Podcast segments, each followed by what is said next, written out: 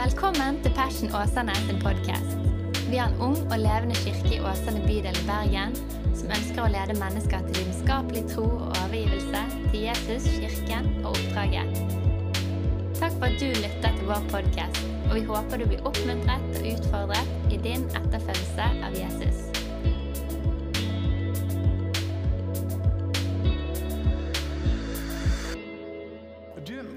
Jeg har lyst til å preke til dere i dag ut ifra noen veldig velkjente vers fra profeten Jesaja. Det er fra det niende kapittelet der. Og man vet at Idet man kommer inn i adventstiden og julehøytiden, så finnes disse versene fram. Av og til kan det gå litt inflasjon i dem. Men og du forstår sikkert hva verset eh, snakker om. I det niende kapittelet så står det, det at det skal bli født et barn, en sønn er oss gitt. Herredømmet skal være på hans skuldre, og han skal kalles underfull rådgiver osv. Men det jeg har lyst til å gjøre i dag, er at vi rygger litt tilbake igjen rett før de versene. Og så leser vi i konteksten der de versene står. Så Hvis det kan være så frimodig og Vi hadde jo en tale tidligere i høst der jeg snakket om, om rotfestet og radikal. Det å kunne være plantet i den kristne tradisjon, men òg være ledet av Årens inspirasjon. Vi tror at vi trenger begge deler. Men der sa jeg at av og til har vi lyst til å stå under lesningen av Skriften. Det er ikke pga. Bibelen sier at vi må det, men det er pga. at vi viser respekt for Guds ord. Og så er det et fantastisk pedagogisk grep hvis du er utdannet lærer til å forstå og vekke elevene opp, sånn at de ikke sovner før timen har begynt. Så hvis du har lyst til å stå sammen med meg når vi leser dagens tekststed fra Jesaja Det er det siste verset i det åttende kapittelet og til vers syv i det niende kapittelet. Og jeg leser Han skal da se utover landet og se det er nød og mørke og trengsels skygge. Enhver drives inn i mørket. Men mørket skal ikke bli værende over landet som er i trengsel. Slik som da han tidligere førte vanære over Sebulonlandet og Naftali-landet. For heretter skal han gi ære til veien ved havet, bortenfor Jordan, hedningenes Galilea. Det folket som vandrer i mørket, får se et stort lys. Over dem som bor i dødsskyggens land, stråler lyset fram. Du gjør folket tallrik, du gjør gleden stor. De gleder seg for ditt ansikt, slik en gleder seg under høsten, som de fryder seg når de deler byttet. For åket som tynget ham, staven over hans skulder og kjeppen til den som drev ham, har du brutt i stykker som på Midians dag. For hver støvel soldatene har trampet, og kappen som er veltet i blod, skal brukes til brensel, til å fortæres av el. Og hør, for et barn er oss født, en sønn er oss gitt. herredømme er på hans skulder. Hans navn skal være underfull rådgiver Mektig Gud, evig Far og fredsfyrste. Herredømmet skal bre seg vidt, og freden skal være uten ende over Davids trone og over hans kongerike. For å grunnfeste det og holde det oppe ved rett og rettferdighet fra nå av og til evig tid. Herskarenes Herres nidkjærhet skal gjøre dette. Vær så god, sitt ned. Og valgte å kalle de ordene jeg skal dele i dag med dere for underfull rådgiver. Vi ber en bønn. Jesus, vi takker deg for denne sesongen. Desember måned, der vi minnes, Herre, som din kirke over hele jorden, advent. Nemlig ankomsten til kongen. Og Nå ber jeg deg, Herre, om at du lar juls evangelium, at du ble menneske. Jeg ber om at det skal bli mer enn bare tradisjon. Jeg ber om at det skal bli liv i hver og en av våre hjerter. I Jesu Kristi navn. Og alle sammen sa amen. Amen. Du, jeg husker tilbake til markedsføringstimen på videregående. Der hadde jeg en lærer som het Karianne Johansen. og Hun gikk i Kristkirken og var en glitrende person. Og Hun lærte meg om en som het Abraham Maslow. Og dere har sikkert hørt om han, men behovspyramiden. Og Han sier det at vi mennesker vi drives av sånne basale lyster og behov. Uten at vi tenker så veldig mye over det, så drives vi av disse basale lystene. Altså lystene etter mat. Og Det er jo noen av oss som drives mer enn andre av den. Lystne etter søvn, lysten etter fellesskap. Det var ikke ment liksom som et stikk til noen, at, eh, men det var mer ment til meg, siden jeg tok meg på magen. Eh, men vi drives av disse lystene her, etter søvn, etter fellesskap. Men mer enn de basale lystene på innsiden av oss, så trekkes vi òg av forventningene til familielivet rundt oss. Vi trekkes av eh, av forventningene til arbeidsplassen der vi jobber. Og Vi trekkes òg ikke minst av forventningene bare det å være en borger i det norske samfunnet. Og så er det veldig mange forventninger og behov og lyster som lever i oss.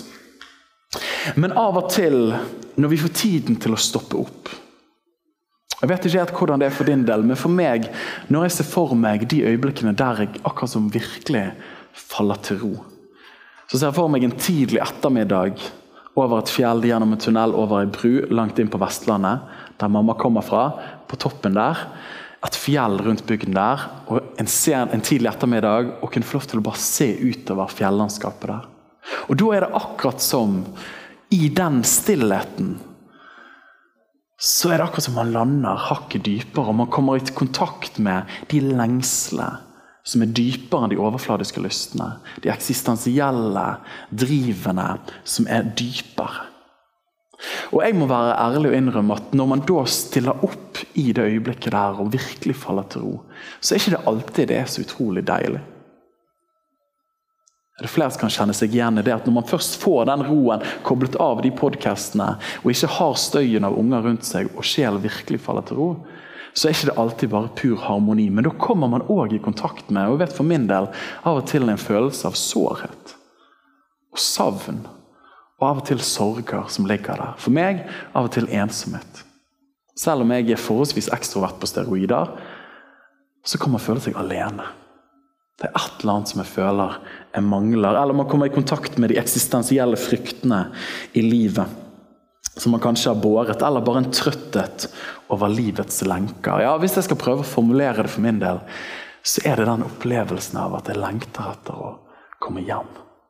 Jeg vet ikke om du kan relatere til det, men en opplevelse av hjemlengsel. Men jeg vet ikke helt hvor hjem er alltid, og jeg vet ikke helt veien til å komme hjem. da. Skrev det i min dagbok ja, jeg har en dagbok, eh, for en del år siden at jeg tror at menneskets dypeste lengsel er å være helt og fullt kjent men på samme tid være fullt og helt elsket. Hvor er det vi hører hjemme? Og jeg vet ikke om du har hørt U2, Bono og gjengen sin sang fra 1987, der de synger denne hjemsøkende strofen flere ganger. I still haven't found what I'm looking for. Han synger i disse versene her I've climbed the highest mountains, I've run through the fields, only to be with you. I've run, I've crawled. I've scaled these city walls. Så fortsetter de ulike versene og synger om alt det han har gjort, både høyder og dybder. Og så er den ramsalte konklusjonen midt i det. But I have still not found what I'm looking for. Men jeg har fortsatt ikke funnet det jeg lengter etter. Og jeg tror at det U2 gjør der, er at de stiller diagnosen på det moderne mennesket i dag. Men faktisk mer enn det moderne mennesket, men mennesket i helhet. At vi kan ha alt. Og som Ole Paus sa, han sa vi har alt, men det er òg alt vi har. At vi lengter etter noe mer enn det vi kan kjøpe for penger. Vi lengter etter noe mer enn det vi har rundt oss. Og det er akkurat som det lever en hjemlengsel i ethvert menneskehjerte. Hvis du går inn på SSB, Statistisk sentralbyrå, så kan du bruke flere dager der og tolke statistikk. og Det er jo kjempevanskelig å forstå det, men noen forstår jeg. Og Der blir det ganske tydelig at selv om vi tilsynelatende har alt, så er det ganske mye som òg mangler. I Norge i dag over én million nordmenn bor alene. Rett under 20 av Norges befolkning bor alene. I Oslo 60% av husstandene er ensomme. I 2015 så slo eh, Bent Høie, Norges eh, helseminister, en ensomhetsalarm og sa at ensomhet er Norges skjulte folkehelseproblem. Ja, og kombinert med veldig mange andre statistikker at i dag så vokser folk opp i flere brutte familiekonstellasjoner enn noen gang tidligere. Mine, dine, våre. Jeg vet ikke helt hvem sine tilhører. Sammen med alle disse faktorene, og En studie som jeg leste, viste at fra 1946 til 2007 hadde velstanden i Norge økt med 440 Altså Det er jo ett stort oljekalas. Men lykkebarometeret hadde stått helt i ro i det samme tidsrommet. Og Mange flere statistikker kunne blitt løftet fram. Spørsmålet jeg har lyst til å stille her i dag, er hvor hører mitt hjerte hjemme? Og hva er veien dit? Hvor hører mitt hjerte hjemme? Og hva er veien dit? Det er et spørsmål jeg stiller meg, og det tror jeg er et spørsmål mennesket til enhver tid har stilt seg. Ikke minst i den tiden vi lever i i dag. Og Den teksten vi tar utgangspunkt, tror jeg taler rett inn i dette her. Og Vi leste i disse versene, i de første, siste versene av det åttende kapittelet at det skal være et mørke over landet. Se, det er nød, mørke og trengselsskygge. Enhver drives inn i mørket. Så Vi møter altså et mørke i bibelteksten vår. Og Dette her er jo egentlig klassisk kristen lære. At mennesket uten Gud, så lever man i mørket. At uten å bli gitt lys, så lever vi famler rundt der vi prøver å finne en vei, men vi har ikke lyset til å virkelig kunne se veien. Men heldigvis så stopper ikke teksten der. Men videre så føres det inn et løfte, og med løftet så føres det inn håp. Vi leste det, men mørket skal ikke bli værende. Bare kjenn på det første verset i det niende kapittelet der. Mørket skal ikke bli værende. Åh, jeg kjenner Når jeg bare hører de ordene der, så vekker det håp. Mørket skal ikke bli værende, for de som sitter i mørke og dødsskygge, skal få se et stort lys. Nå hører du sikkert juleevangeliet klinge. Ja, du gjør gleden stor, leste vi, og åket, staven, kjeppen har du brutt i stykker. Hva er det som føres inn her? Her møter vi håpet. Her møter vi håpet i teksten vår. Vi møter håpet her. Når man hører disse ordene, og jeg vet ikke hvordan det er for deg men jeg merker at når du leser løfter i Guds ord, og fra vår tekst, men òg det kan være Salme 23, det kan være et annet løftested som du går til på ulike områder av livet ditt. Det som skjer i møte med løfter, er at hjertene våre letter litt. At man løfter saker som ut ifra omstendighetene og situasjonen man måtte befinne seg i, og de krevende pressene man erfarer. Og Idet man leser Guds løfter, så er det akkurat som jeg får trekke pusten igjen. Det er akkurat som man kommer litt over, og man kjenner kanskje Kanskje dette ikke vil vare ved for alltid. Kanskje det finnes håp for meg. Ja, Skriften sier det sånn at vi mennesker vi lever på håp. Ja, Forkynneren, det tredje kapittelet der og det ellevte verset, velkjente vers, da sier Salomo i denne visdomsboken han sier at evigheten er lagt ned i menneskets hjerte. Evigheten er lagt ned i menneskets hjerte. Hvis vi parafriserer det, så tror jeg nesten vi kan driste oss til å si at hjemlengsel er lagt ned i ethvert menneskes hjerte. At ethvert menneske, om man kaller seg religiøs eller ikke, superkristen, pinsevenn, tungetalebedende, anglikaner og presbyterianer på toppen, eller om man sier at man er humanist og ikke tror på disse greiene her, uansett så kommer ikke man unna det. Jeg tror Den menneskelige tilstand er at vi lengter hjem. For Gud har lagt hjemlengsel ned i våre hjerter. Gud har lagt det ned i våre hjerter. Jeg tror at mennesket er uhelbredelig håpefullt. Og er ikke det sant? Altså håp. Uten håp. Da svinner vi hen som mennesker. Og Dette håpet ser vi vitner om i alle ulike sivilisasjoner og i alle ulike tider og kulturer. En gresk poet som heter Hesiod, han skriver i et av sine stykker så skriver han om en tapt gullalder. En tid langt tilbake der alt var fantastisk. Det var idealet, det var helt glitrende. Men han trodde ikke at vi kom til å komme tilbake eller fram dit noen gang i framtiden. Og vi kunne heller ikke se tegn av det i nåtiden. Ser du det? Ulike generasjoner har alltid drømt, lengtet, trodd at det finnes et univers, en hjemkomst, et sted vi hører hjemme. Ja, Platon, den greske filosofen, han drømte om idealstaten. At der framme skal det komme en idealstat grunnlagt på filosofiske prinsipper. og det skal bli helt fantastisk. Men han erkjente, han òg, at jeg tror ikke at vi kommer til å komme der. Hvis jeg husker tilbake til historietimen, så hadde jo denne grottelignelsen at vi sitter i grotter og så er det skygger. Men at liksom den dualistiske virkelighetsforståelsen der borte, vi kan aldri komme dit fordi vi er fanget i kroppene våre. Og så har du den romerske poeten Virgil. og Hvorfor sier jeg disse tingene her? Jo, jeg sier det bare for å illustrere at alle generasjoner, alle mennesker til alle sivilisasjoner har lengtet etter en hjemkomst av noe slag. Og Virgil, den romerske poeten, han synger i en av sine sanger at en gang så skal det komme et menneske som skal gjøre all urett rett. Og hør på det her starte tiden på ny. Åh, er ikke det fascinerende å lese om det?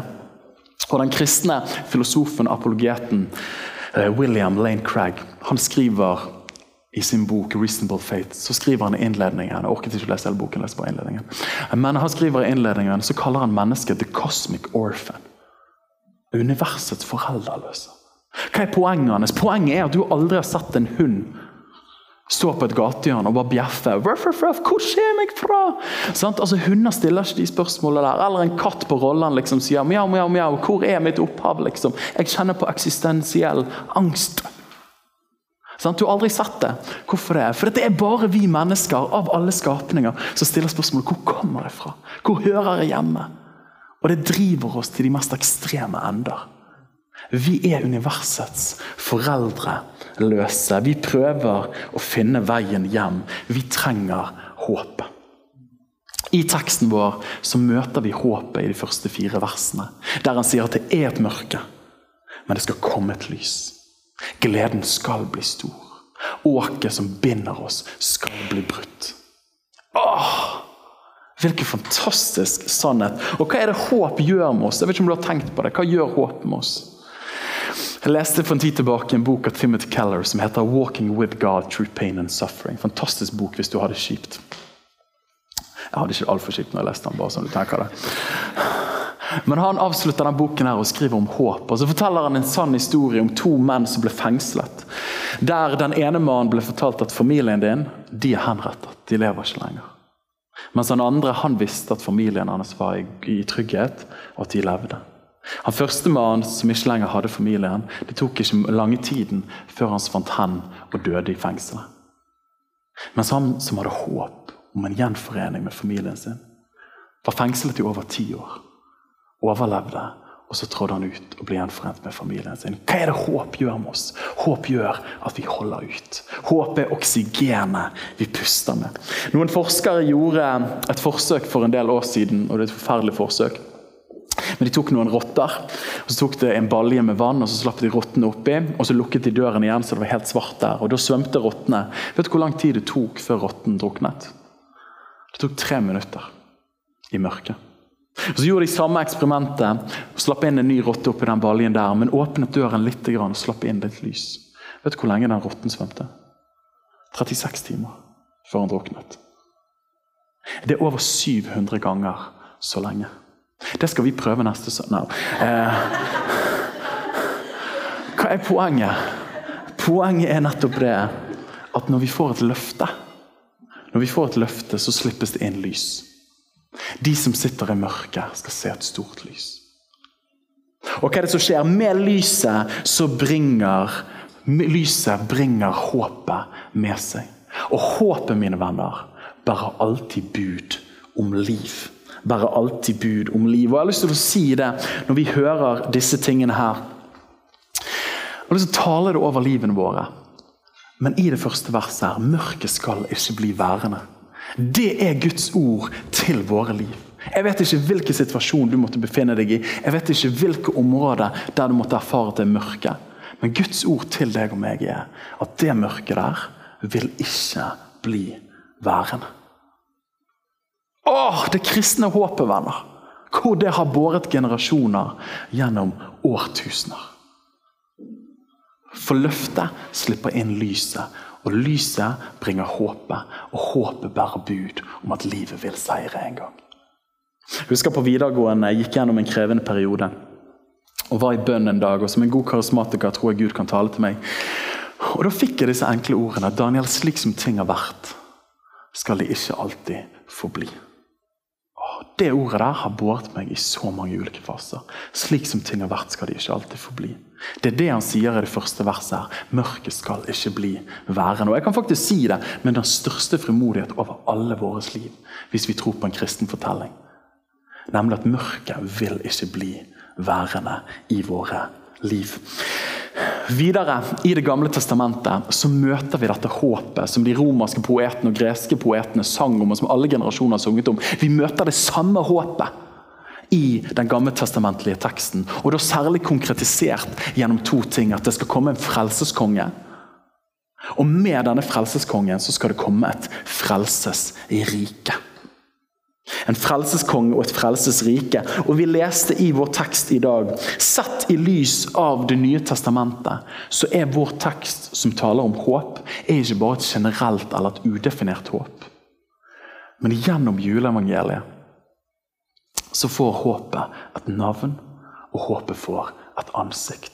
Nemlig Jesus Kristus. Og kom an, folkens, Vær litt giret sammen med meg her i dag. Men når vi leser her at hedningenes Galilea som skulle få ære, hvem peker det mot?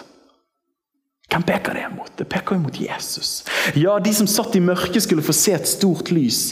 Hvem peker det mot? Selvsagt Jesus. Altså Ikke bare er vår tekst et generelt håp som de gamle testamentlige folkene fikk høre når Jesaja talte det, men i lys av Det nye testamentet så ser vi at dette peker mot en person, mot frelseskongen, og med han et frelsesrike. Matteusevangeliet, det fjerde kapittelet der, der tar faktisk evangelisten Matteus og er så freidig at han kvoter disse versene fra Jesaja 9. Der han sier, der står det Da Jesus hørte at Johannes blitt satt i fengsel, dro han til Galilea. Og Han, hadde, han forlot Nasaret og kom og bosatte seg i Kapernaum, som ligger ved sjøen, i Sebulon og Naftali-traktene. Og Det skjedde for at det skulle bli oppfylt som fortalt ved profeten Jesaja når han sier Sebulonlandet og Naftalilandet ved veien til havet, bortenfor Jordan, hedningenes Galilea. Det folket som satt i mørket, har sett et stort lys. Over dem som satt i dødens land og skygge, har lyset gått opp. Åh! Han er freidig, altså. Og Så går han videre og tar indrefileten av juleevangeliet-vers. Og så sier han for et barn er oss født, en sønn er oss gitt, herredømme er på hans skuldre. Hans navn skal være underfull, rådgiver, mektig Gud, evig far og fredsfyrste. Hvem er det dette peker mot? Det er jo Jesus Kristus. Hva er det han egentlig sier? Han sier at helbredelsen har begynt. Ikke lenger har vi bare et håp. Ikke lenger har vi bare et håp om at en dag skal Gud gripe inn. Men helbredelsen har allerede begynt. Hva mener du med det, Daniel? Jo, i det påfølgende verset i Matteusevangeliet, som jeg nettopp leste nå, så leser vi at Jesus trådte fram. Fra den tid begynte Jesus å forkynne og si omvend dere, for himmels rike har kommet nær. Himmelsriket har kommet nær. Og folkens, Vi leser disse frasene.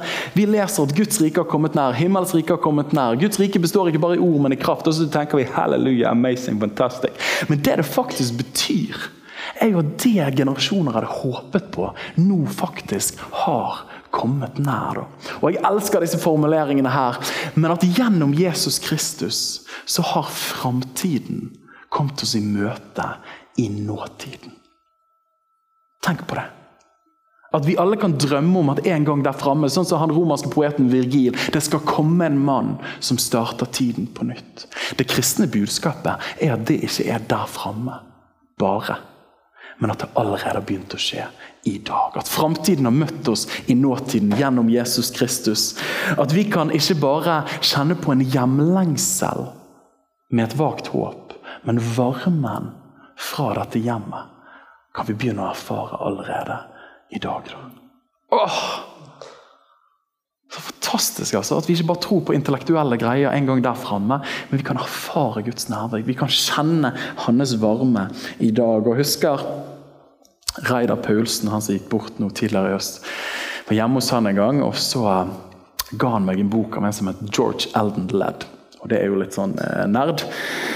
Men den boken het, og det handlet om Guds rike teologi, den het 'The Presence of the Future'. Jeg syns den tittelen er nydelig. 'The Presence of the Future'. Gjennom Jesus Kristus så har nærværet av framtiden kommet her. Vi kan kjenne det, vi kan erfare det, vi kan merke det. Helbredelsen har begynt. Helbredelsen, gjenopprettelsen, har allerede begynt. Og En av de fremste måtene vi erfarer dette på, er at Gud er en underfull rådgiver, som vi leste. At han er en underfull rådgiver. Og jeg tror av og til at vi kristne kan ende opp i en sånn praktisk deisme. Det er jo et veldig fint ord, men det betyr, og det var sånn man trodde særlig i opplysningstiden, når man prøvde å forene kristen tro med opplysningstiden, at deisme, at Gud skapte, og så trakk han seg unna. Sant? Han bare sveivde opp klokken, og så tikket greiene av seg sjøl, og så var han helt borte fra regnestykket. Og så håpte man på én ting der framme, der skal han komme tilbake, og så blir det helt glory. sant? Og jeg tror Av og til så kan vi leve på den måten her, at vi tenker at Gud i framtiden vil han gripe inn. Og jeg merker for min del, I møte med livets utfordringer så er det så lett for at man tenker at man har en en dag-gud. En dag en dag så skal denne utfordringen løse seg. En dag skal denne ekteskapsrelasjonen bli litt bedre. En dag der framme så skal økonomien min bli helt fantastisk når jeg har gitt nok penger til den kanalen. Sant? En dag. Men det kristne budskapet er ikke bare én dag, men det er i dag. At vi tror på en Gud som ikke griper inn én dag, men i dag. Og som Paulus sier i 2. Korinterne 6, tror jeg det, der sier han og quoter Det gamle testamentet og sier at, eh, sier at en dag, en dag. Men så sier han, så sier han i dag hører Herren, og i dag griper Herren inn. Noe fritt oversatt. Poenget hans er at ikke bare der framme, men her i dag. Gud er underfull rådgiver. Gud viser at han er lidenskapelig interessert i å gripe inn i våre liv i denne tid. Og når han er underfull rådgiver, hva betyr det? Jo, Gud gir oss råd så vi kan erfare og få hjelp til når vi lever i dag. Jeg tenker på Moses foran Rødehavet i full panikkangst der og sier 'Herre, hva skal jeg gjøre for noe?' Det kommer og tar oss. Så sier Gud til ham 'Du skal slå staven din på Rødehavet'. Gud svarer. Vi leser om David. Han sier 'Herre skal legge opp mot filistrene'. Og Gud svarer. Vi leser i Matteus det 15. kapittelet at disiplene kommer til Jesus og sier du, det er 4000 folk her. Hvor kan vi få mat til alle disse greiene her? Og Jesus svarer. Hva er poenget mitt? Jo, Gjennom Skriften så åpenbares det en Gud som er lidenskapelig interessert og involvert i sitt folks liv. Og Nerven av dette her fanges utrolig fint i 1. Peter 5,7, der han sier at 'kast deres bekymringer på ham'. For at en gang der framme skal han gripe inn. men dere kommer til å ha det miserabelt akkurat nå. Nei, nei, nei. Han sier 'kast deres bekymring på ham', for han har omsorg for dere. Han er en underfull rådgiver i dette livet. I dag så er han det for oss. Ja, Jakob 1,5 sier det sånn om noen mangler visdom han ber til Gud, som gir alle rikelig og uten bebreidelse og anklage. Vi tror på en Gud som griper inn. Vi tror på en Gud som har kommet nær, der helbredelsen allerede har begynt. Jeg tenkte på når jeg forberedte denne talen her, at, at en av de konkrete situasjonene de siste årene som betydde mye for meg, der jeg har erfart at Gud har grepet inn, med det underfulle, rådgivende visdommen som han har, er historien i det huset vi bor i nå. Og Flere av dere har hørt den historien før. Vi, Det er en fredag. Jeg er på vei til Ulsteinvik og skal preke for noen hormonelle ungdommer der oppe. Og Så tipper det på Oppedal fergekai så tipper det opp på Finn, dette huset som vi nå bor i. Og så bare kjenner jeg umiddelbart dette huset det har jeg lyst på. det er helt perfekt. Sant? Så sender jeg melding til Helene så skriver jeg det huset skal vi bo i. Eh, Litt sånn eh, i tro. Og så begynner noen andre å sende den samme annonsen til meg i løpet av den dagen. her. Sikrer oss en privatvisning på mandagen. her, Tenker at dette her er bare vi som kommer. Så kommer åtte andre på privatvisning og kjenner at this little light of faith that I had eh, blir begrenset i det øyeblikket. da, og Særlig når jeg ser at de kommer i finere biler enn vår Passat. Og Så kommer vi der, og så er historien den at vi er der, og så har vi med unger. Så vi er alltid sistemann ut, som vi uansett er, uansett hvor vi er. Så er vi sist ut, og så står megleren der, og da kommer denne tanken til meg. Hva med et direktebud til selgeren her? Og jeg tror Jeg hadde aldri gjort det tidligere. Men jeg tror at Gud taler på den måten. Jeg tror Gud griper inn. Jeg tror han er nidkjær. Jeg tror han bryr seg om livet vårt. Kommer med visdom og råd. Og så tenker jeg ok, jeg skal gå for deg. Og så står megler der. Og så plutselig kommer selger hjem da, tidlig fra jobb. Jeg bare tenkte, come on, liksom. Og Så står vi og dryger det litt der, og jeg bare tenker megler, kan ikke du bare dra? Sånn at jeg kan spørre han, for jeg kan ikke spørre foran megleren, for da kommer han til å skyte meg. Så dette, Da står jeg der og bare venter på at, eh, på at hun skal dra, men så går han inn i huset før hun har dratt. Og da bare kjenner jeg ah, shoot, det var sjansen. Og jeg må ærlig innrømme at selv om jeg føler meg litt frimodig, så hadde jeg ikke liksom gutset til å gå og ringe på. da. Så da tenkte jeg ok, vi får dra på visning onsdag kveld sammen med de 14 andre som er meldt på. Og så får vi se om vi er heldige å få det. Og så drar megleren, og så står vi der og tar Anna inn i bilen. eh, og Jakob, og så kommer han løpende ut igjen og så sier han, du, jeg glemte å si dere noe om garasjen. Jeg bare tenkte, jeg har aldri vært så glad for en ubetydelig detalj om en garasje. Og Så ser jeg på han og så sier han, du, er du åpen for direktebud? Og så sier han ja, hvis prisen er rett. Hva er rett pris, da? Nei, det er dette og dette. Eh, og så eh, er historien som følger at eh, vi budde det litt senere på dagen. Og så fikk vi huset, og så ringte megleren dagen etterpå og var kjempesint. Veldig konkret eksempel på at jeg tror at Gud er en underfull rådgiver i dette livet. Og jeg er sikker på at vi kunne tatt mikrofonen rundt der og fått vitnesbyrd i mange uker på hvordan Gud har grepet inn i livene våre. Gud er underfull rådgiver. Og Hvis du ser for deg denne Maslow sin behovspyramide, så tror jeg at vi har en Gud som griper inn i møte med de fysiske behovene. I møte med trygghetsbehov, sosiale og personlige behov. Jeg har lyst til å utfordre deg til det. At ikke bare kan vi håpe at Gud griper inn, men vi kan få lov til å erfare denne helbredelsen allerede nå. da, At han griper inn som underfull rådgiver. Men håpet møter vi i vår tekst. Og vi møter at helbredelsen allerede har begynt ved at Jesus oppfyller men så leser vi videre i det syvende kapittelet at herredømmet skal bre seg vidt ut. Og freden skal være uten ende over Davids trone og over hans kongerike. For å grunnfeste det og holde det oppe ved rett og rettferdighet fra nå av og til evig tid. Ikke bare skal vi håpe, ikke bare kan vi erfare litt av helbredelsen i dette livet og kjenne varmen fra hjemlandet. Men en dag så skal vi få lov til å komme helt hjem i himmelen. Å, En dag skal vi få komme helt hjem. I denne boken som Reidar ga meg, han George Eldon Ledd, så sier han at det vi erfarer, det er fulfillment without consummation. Det er oppfyllelse uten fullbyrdelse.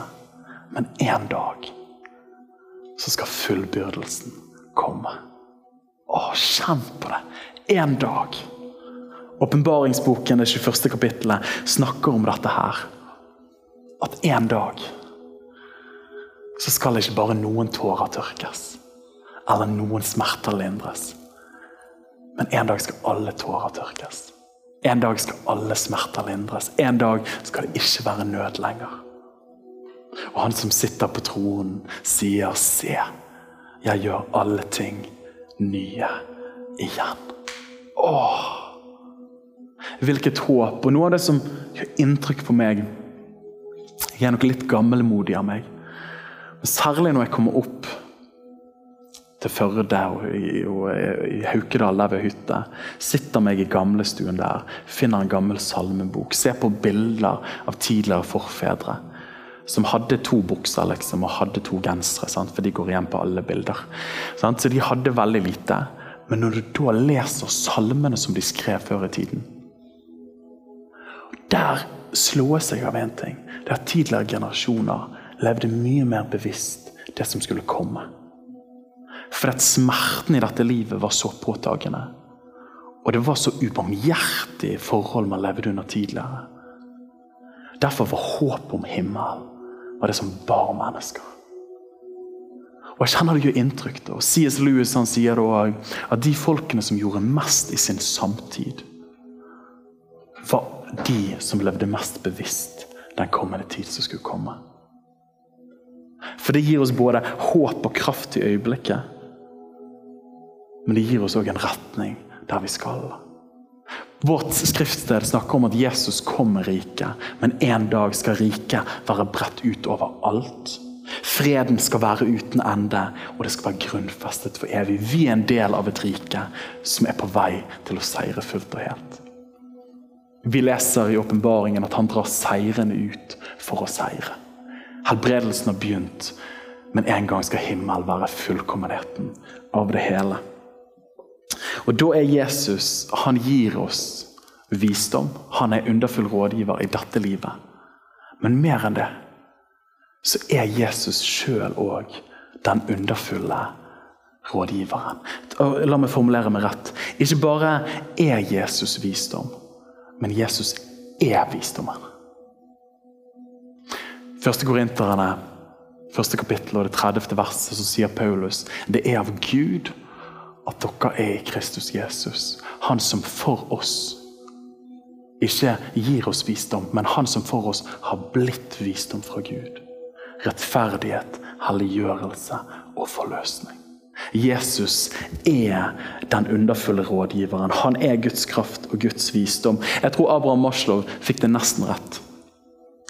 At vi drives av basale lyster. Men jeg tror det finnes et lag dypere som han ikke fanget opp. Og det er spørsmålet i dag. Hvor hører mitt hjerte hjemme? Og hva er veien dit? Jo, skal vi tro Skriften, så sier han det vår dypeste lengsel, vår dypeste hjemlengsel, er skapt av Gud i oss. Og den faller bare til ro når vi får lov til å komme helt hjem. da. Augustin i sin selvbiografi han hadde vokst opp i et kristent hjem, en kristen mor, men har tatt avstand i ungdommen. Han ville ikke ha noe med dette her å gjøre. Så kjenner vi historien at han møter Jesus og blir en av de store tenkerne i kirken. Men han skriver i sin biografi disse ramsalte ordene. eller de som, ah, Det er bare så rått. Han skriver du har skapt oss for deg, Gud. Og vårt hjerte er urolig inntil det finner hvile i deg. Mine venner, vår hjemlengsel har en destinasjon. Og det er himmel. Det er sammen med Gud. Jesus sier det. Johannes 14 sier han, 'Jeg er veien'. I møte med din hjemlengsel, 'Jeg er veien du skal gå'. Jeg er sannheten, og jeg er livet. Og hør på det. For uten den veien så vil ikke du komme hjem til far. Hva han sier? Du vil ikke komme hjem hvis ikke du går om meg som er den underfulle rådgiveren. Jesus er den underfulle rådgiveren som viser oss veien hjem til Han som er evig far. Skal vi be til Gud sammen? Far, jeg takker deg for julens evangelium. At vi ikke bare har blitt gitt håpet. Vi har ikke bare blitt gitt varmen av helbredelsen som allerede har begynt, men at en dag så kommer du tilbake. Og du skal fullbyrde det du har påbegynt. At da skal all ondskap vike. Enhver tåre i våre liv skal bli tørket. Enhver smerte skal opphøre. Og du sier 'jeg gjør alle ting nye'. Og jeg ber, far, for oss i Passion og for mennesker i livene våre, måtte vi få lov til å være med og møte mennesker sin hjemlengsel. Og få lov til å peke dem i retning av deg, Jesus. Du som er underfull rådgiver, som leder veien helt hjem til far. Så vi kan si som Augustin, våre hjerter har falt til ro, for det har kommet hjem til deg, Herre. Amen. Amen. Takk for at du lyttet til vår podkast. Hvis du synes det var bra, så del den gjerne med noen flere. Vil du vite mer om hvem vi er, hva som skjer, og kanskje besøke en av våre gudstjenester, se vår nye hjemmeside på fashionåsane.no, eller følg oss på sosiale medier. Helt til slutt, ta imot Herrens velsignelse. Herren velsigne deg og bevare deg. Herren la sitt ansikt lyse over deg og være deg nådig. Herren løfte sitt åsyn på deg